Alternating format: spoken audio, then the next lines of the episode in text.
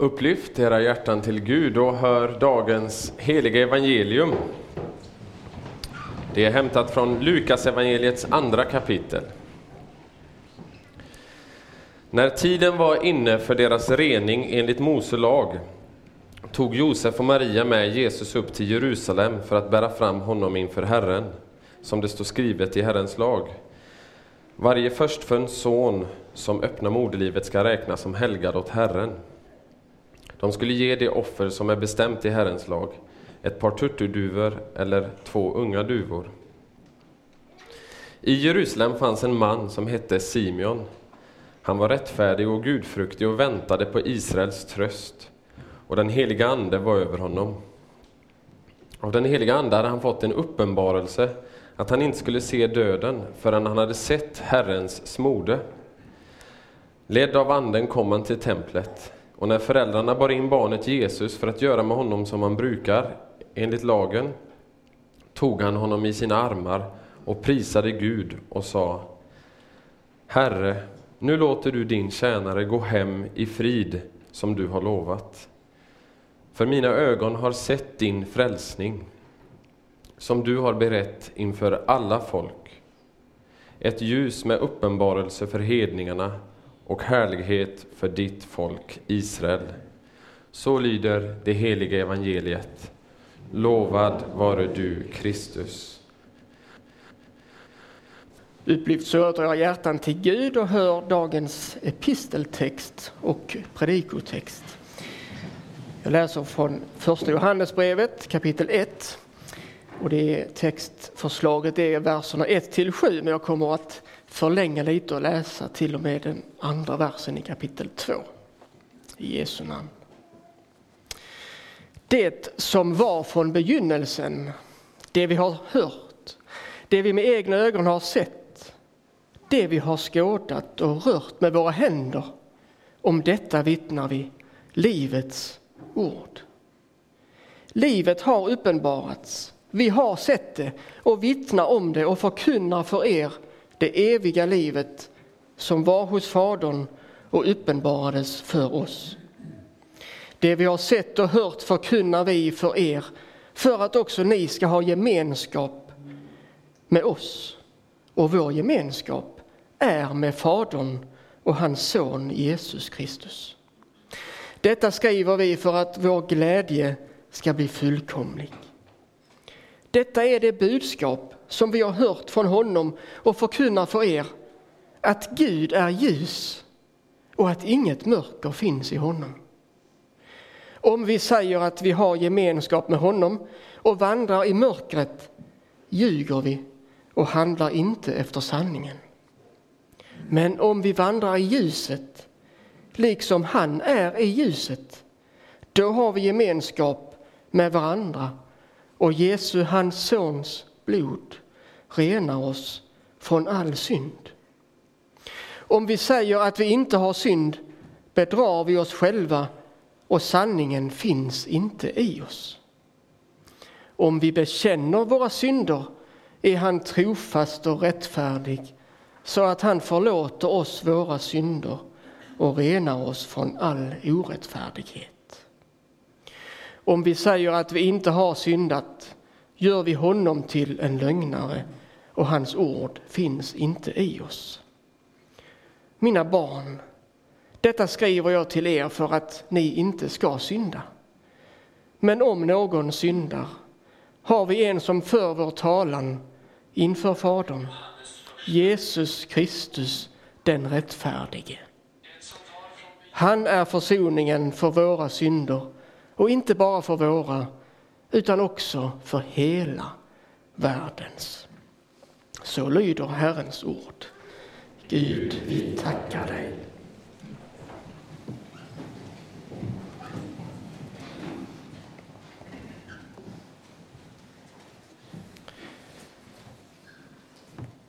Nåd vara med er och frid från Gud vår far och Herren Jesus Kristus. Vi tackar dig Herre för att du är här. Vi tackar för att vi har fått lyssna till ditt ord. Ditt heliga ord där du uppenbarar dig själv för oss. Herre Jesus Kristus, kom med ditt ljus till oss var och en som sitter här och lyssnar eller sitter hemma någon annanstans och lyssnar. Herre välsigna oss var och en. I Jesu namn. Amen.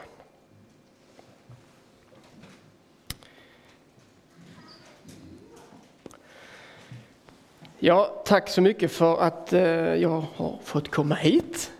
Det är en förmån för mig att få eh, komma hit och möta er, att få dela ordet eh, i vårt avlånga land.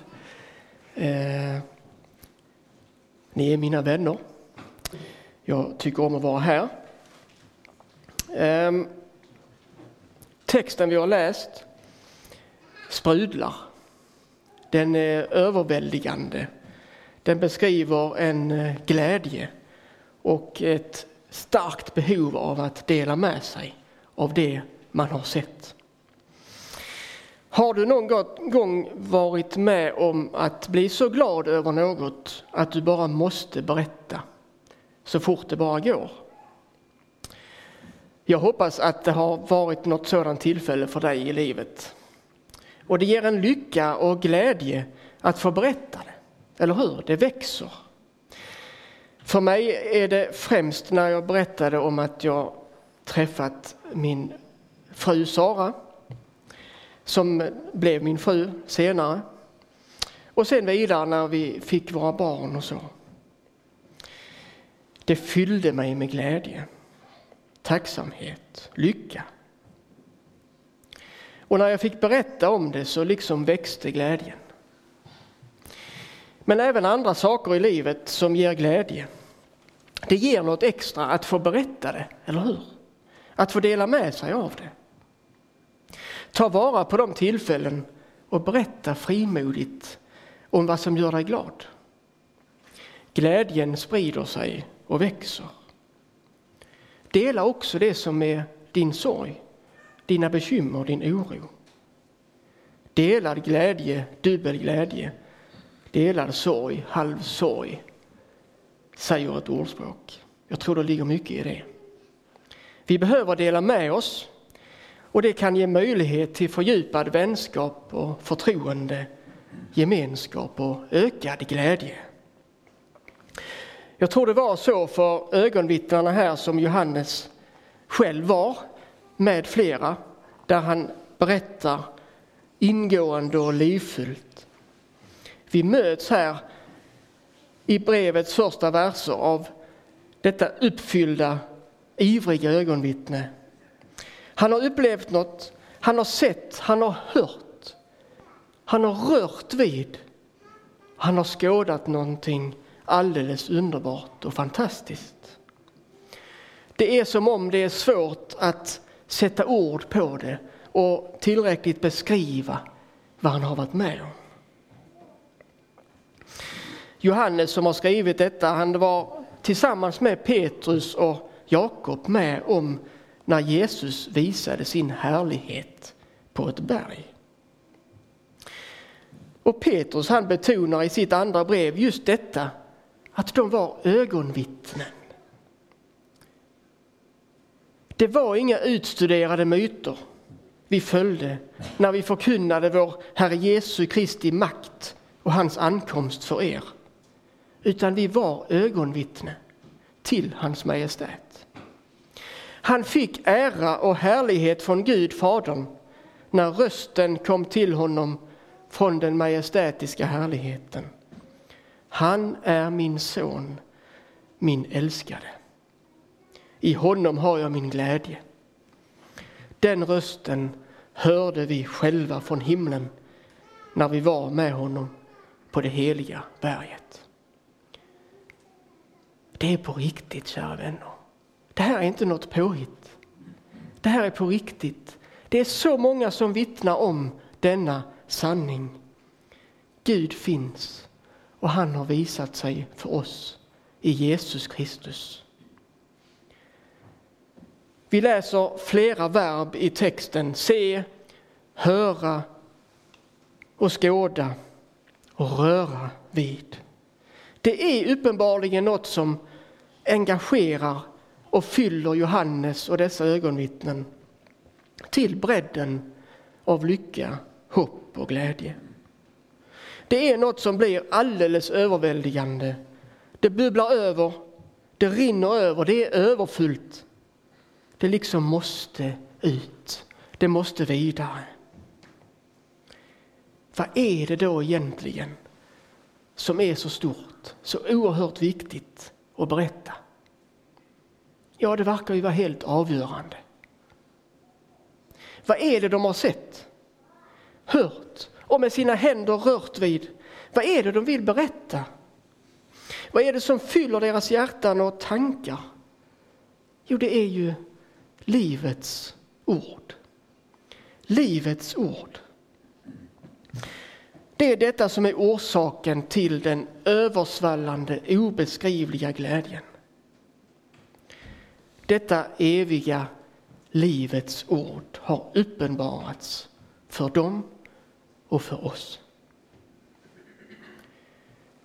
Han skriver att vi har sett det. Vi har hört det. Vi har tagit på det med våra händer. Det är Jesus. Det är Jesus. Och det är en verklighet som vi måste berätta om. Låt det inte gå dig förbi.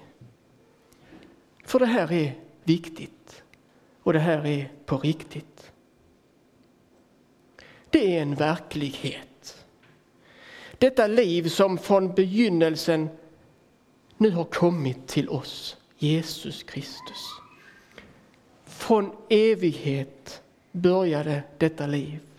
Eller det var från evighet, av evighet. Utan början, utan slut. Och så kommer det till oss när tiden var inne. I mänsklig gestalt. Vi minns julen. Jesus föddes.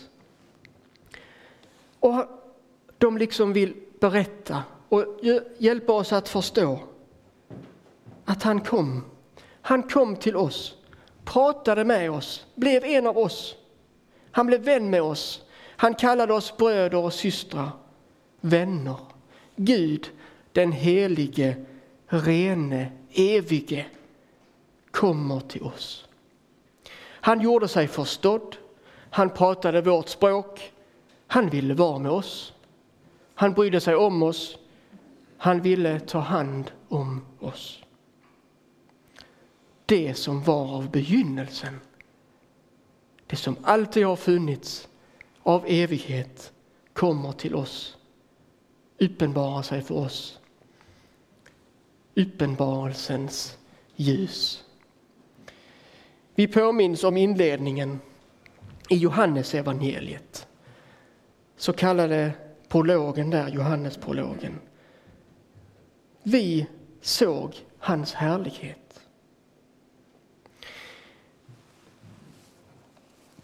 läser några verser där.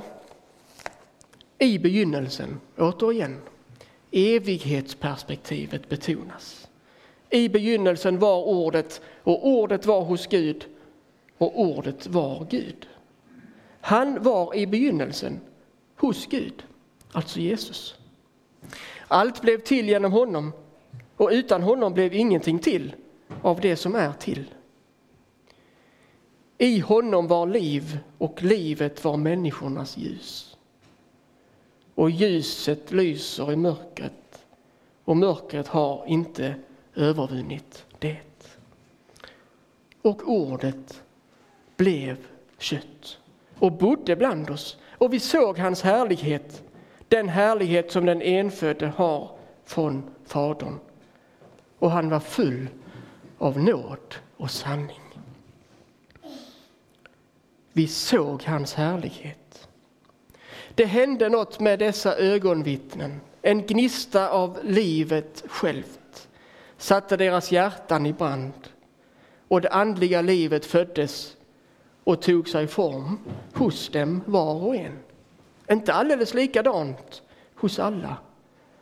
Alla människor har fått, är skapade unika och har fått sina gåvor och formas unikt. Men det var samma ljus som formade dem, samma gnista av detta liv. Och det fyllde dem med en sprudlande glädje och det spred sig vidare som en löpeld bland dem som ville lyssna och ta emot. De hade upptäckt någonting. En tro på något hållbart, ett fast hopp, ett ankare att hålla fast vid genom livet och döden. Det håller. Och de måste bara berätta det. Vers 3. Allt fel, vers 3.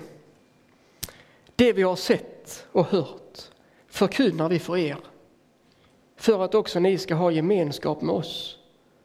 Och vår gemenskap är med Fadern och hans son Jesus Kristus.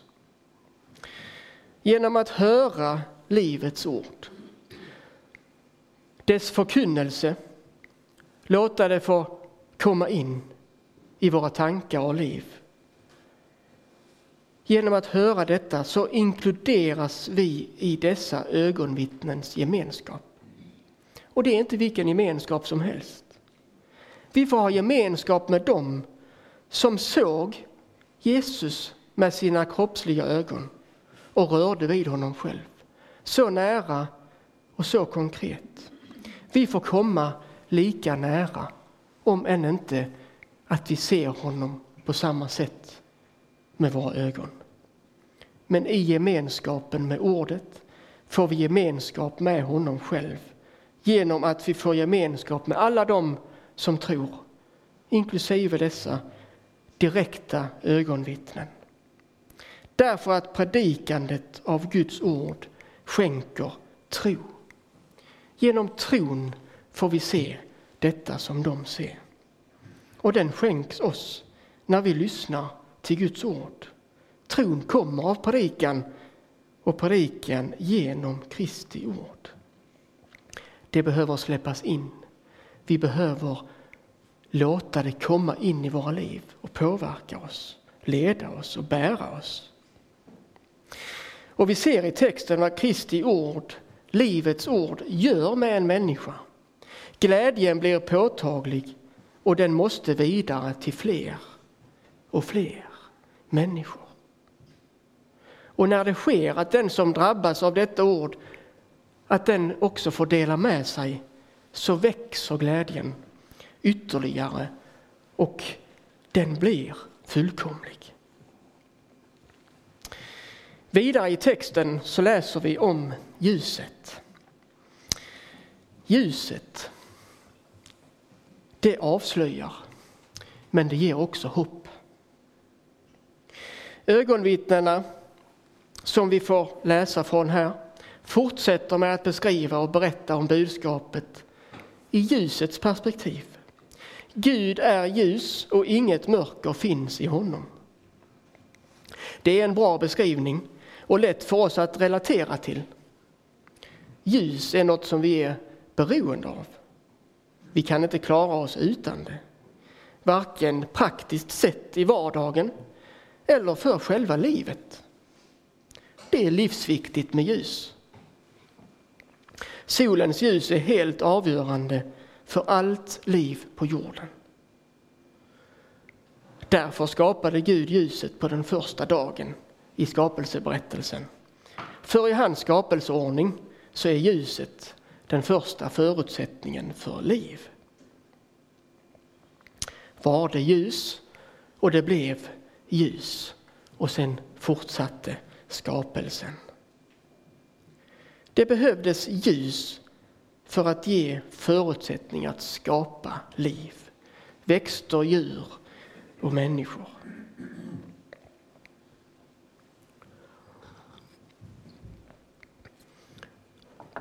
I hela Bibelns språkbruk så används ofta ordet ljus för att beskriva Gud och att han har kommit till oss och uppenbarat sig för oss i Jesus. Guds ord beskrivs som människornas ljus. Och detta ord är ju Jesus själv. Livets ord med ljus till folket. Ditt ord är mina fötters lykta och ett ljus på min stig, läser vi i psalm 119. Och i Jesaja 9, som vi påminns om inför varje jul, där profeterar Jesaja. Det folk som vandrar i mörkret ska se ett stort ljus. Över dem som bor i dödsskuggans land ska ljuset stråla fram. Och så i dagens evangelietext fick vi lyssna till Simeon som med Jesus, livets ord, livets ljus i sina armar prisar Gud. Herre, nu låter du din tjänare gå hem i frid, så som du har lovat. För mina ögon har sett din frälsning, som du har berett för alla folk. Ett ljus med uppenbarelse för helningarna och härlighet för ditt folk Israel. Det är alltså uppenbarat för oss. Det är till för oss. Vi tillhör inte Israels folk, men vi får tillhöra Guds folk genom detta ljus. Genom att Jesus kom till oss. Med ljus i mörkret. Uppenbarelsens ljus. Den evige annars för oss helt oåtkomlige guden blir för oss åtkomlig, nåbar genom Jesus. Ögonvittnena här säger att han kom och visade sig för dem. De fick lyssna och de fick verkligen se och känna Gud själv som är ljus och sanning.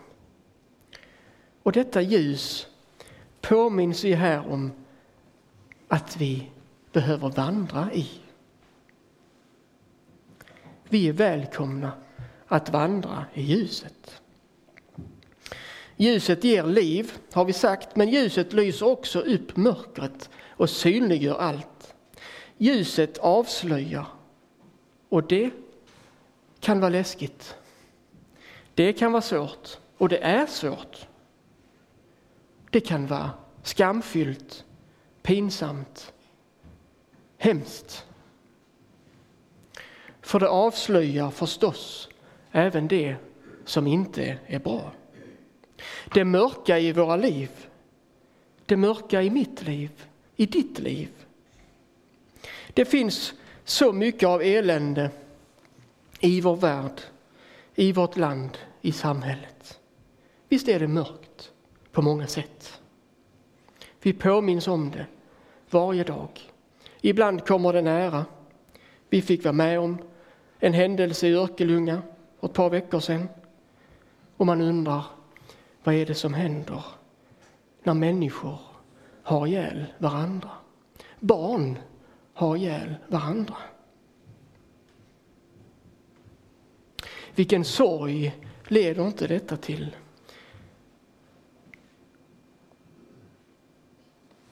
Det finns mörker. Vi påminns om det. Och det tar sig uttryck i olika händelser, situationer, mänskligt lidande. Det är också ensamhet, sjukdom och död. Vi lever med detta. En del av oss på distans, en del av oss befinner sig mitt i detta. Vad är detta? Bibeln berättar för oss vad som har hänt.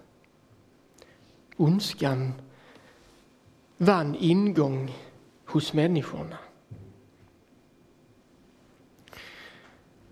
All denna ondska orsakas av det vi kallar för synd. Den som skiljer oss från Gud.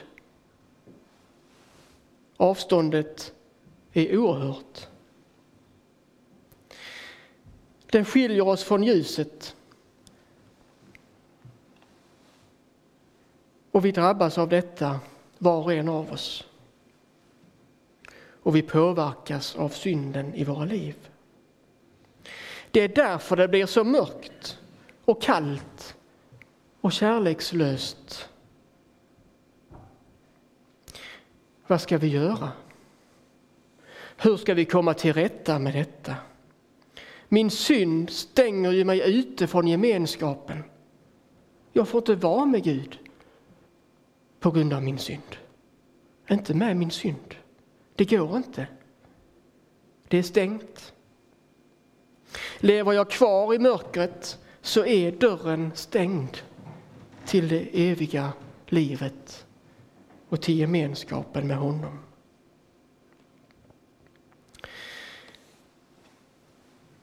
Det är den första av tre invändningar som Johannes beskriver i vår text lite längre fram. Att vi inte kan ha gemenskap med Gud om vi vandrar i mörkret. Det går inte. Vad gör vi då? Vad ska vi ta oss till? Jo, vi behöver lyssna till de första ögonvittnena. Simeon, Johannes, Petrus och alla de andra. För de har sett och de berättar och de har fått det av Gud. Och vi har det i hans ord. Det vi har sett och hört, det förkunnar vi för er. För att också ni ska ha gemenskap med oss. Och vår gemenskap är med Fadern och hans son Jesus Kristus. Detta har de sett och hört och det berättas för oss idag. Och det berättas för dig just nu. Du får också höra detta budskap om gemenskapen med Gud. Du ges möjlighet att ta emot det du hör. Att låta det också komma in i dina tankar, i ditt hjärta. Låt det få en chans. Låt det uppta dina tankar. Låt det sjunka in. Jag nämnde en av tre invändningar som Johannes tar upp. Bland de första mottagarna av det här brevet så fanns det felaktiga uppfattningar om Gud och om människan som inte stämmer med Guds uppenbarelse. Och Johannes pekar på dessa och förklarar.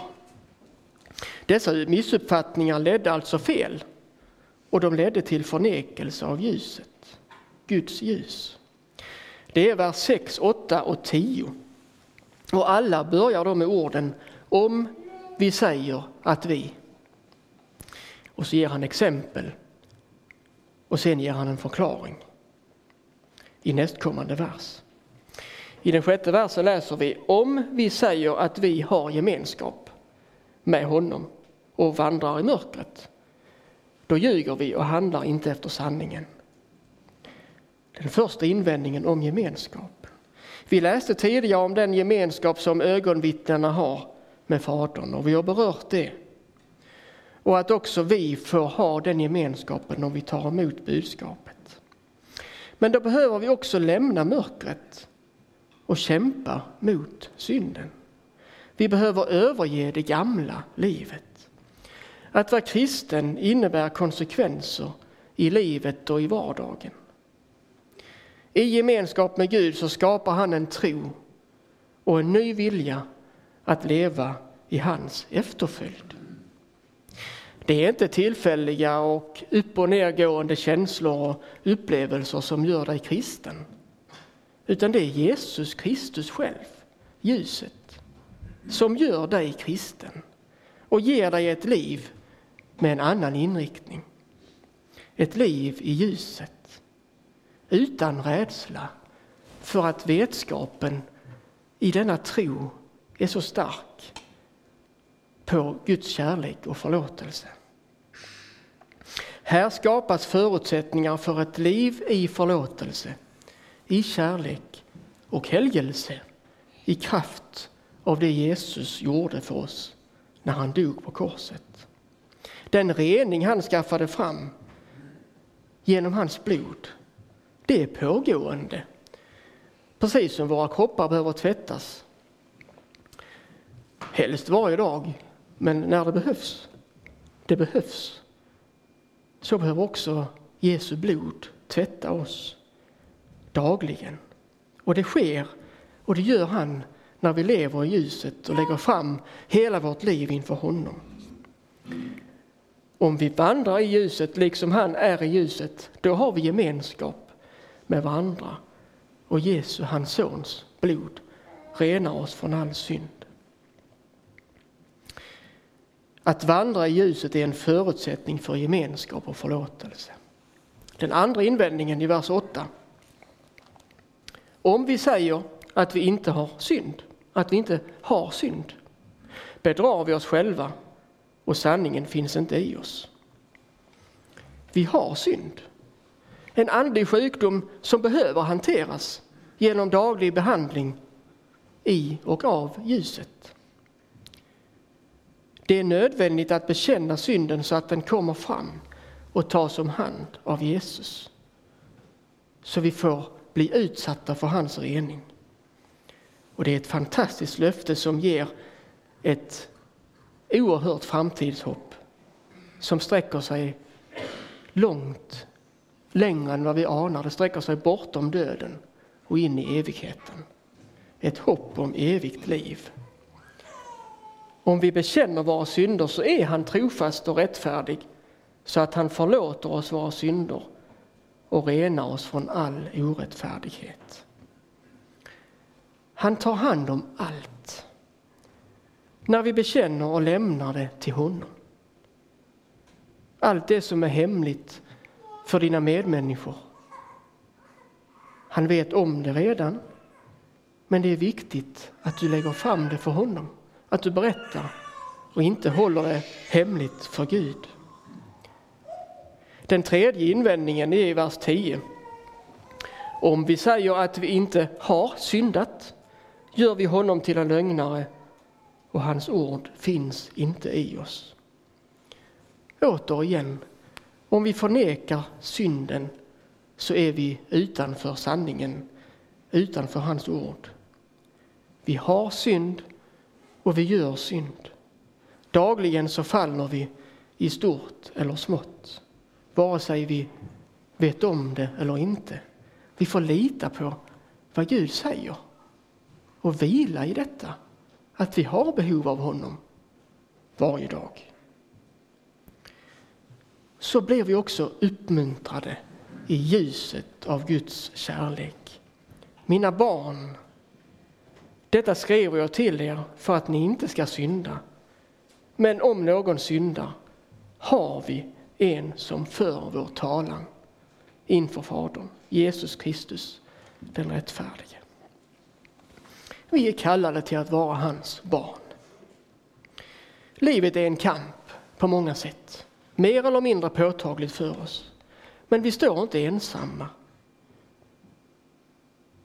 i det vi lider av, vad det nu än kan tänkas vara. Och vi ska inte synda. Vi ska kämpa. Vi ska ta Guds ord på allvar och inse att vi behöver hjälp från honom. Men att leva med Jesus är också att följa Jesus. Att söka sig till honom och låta honom påverka våra liv så att vi vill och önskar och längtar efter att bli mer och mer honom lika. Men om det sker att vi syndar så överges vi aldrig av Gud. Aldrig någonsin. Han står alltid med öppen famn och längtar att få ta emot dig, om det är för första eller tusende gången, eller mer och mer. Han förlåter om och om igen. Och detta är livet för en kristen. Att komma tillbaka till honom med sina brister, med det som man har misslyckats med, med sin synd. Han för vår talan inför Fadern. Hos Jesus är vi trygga och får ro och frid i våra samveten. Bara han kan ge dig det du djupast behöver. Glöm inte det. Det är bara Jesus som kan ge oss vad vi behöver och vad som håller efter detta livet också. Därför behöver budskapet ut till alla folk. Han är försoningen för våra synder, men inte bara för våra. För hela världens. Så vilken människa vi än möter så vet vi att människan är också föremål för Guds kärlek och hans försoning genom Jesus. Missionsarbetet fortsätter. Uppdraget kvarstår. Och det får vi fortsätta med så länge tiden varar. Tills Jesus kommer tillbaka och tar oss hem.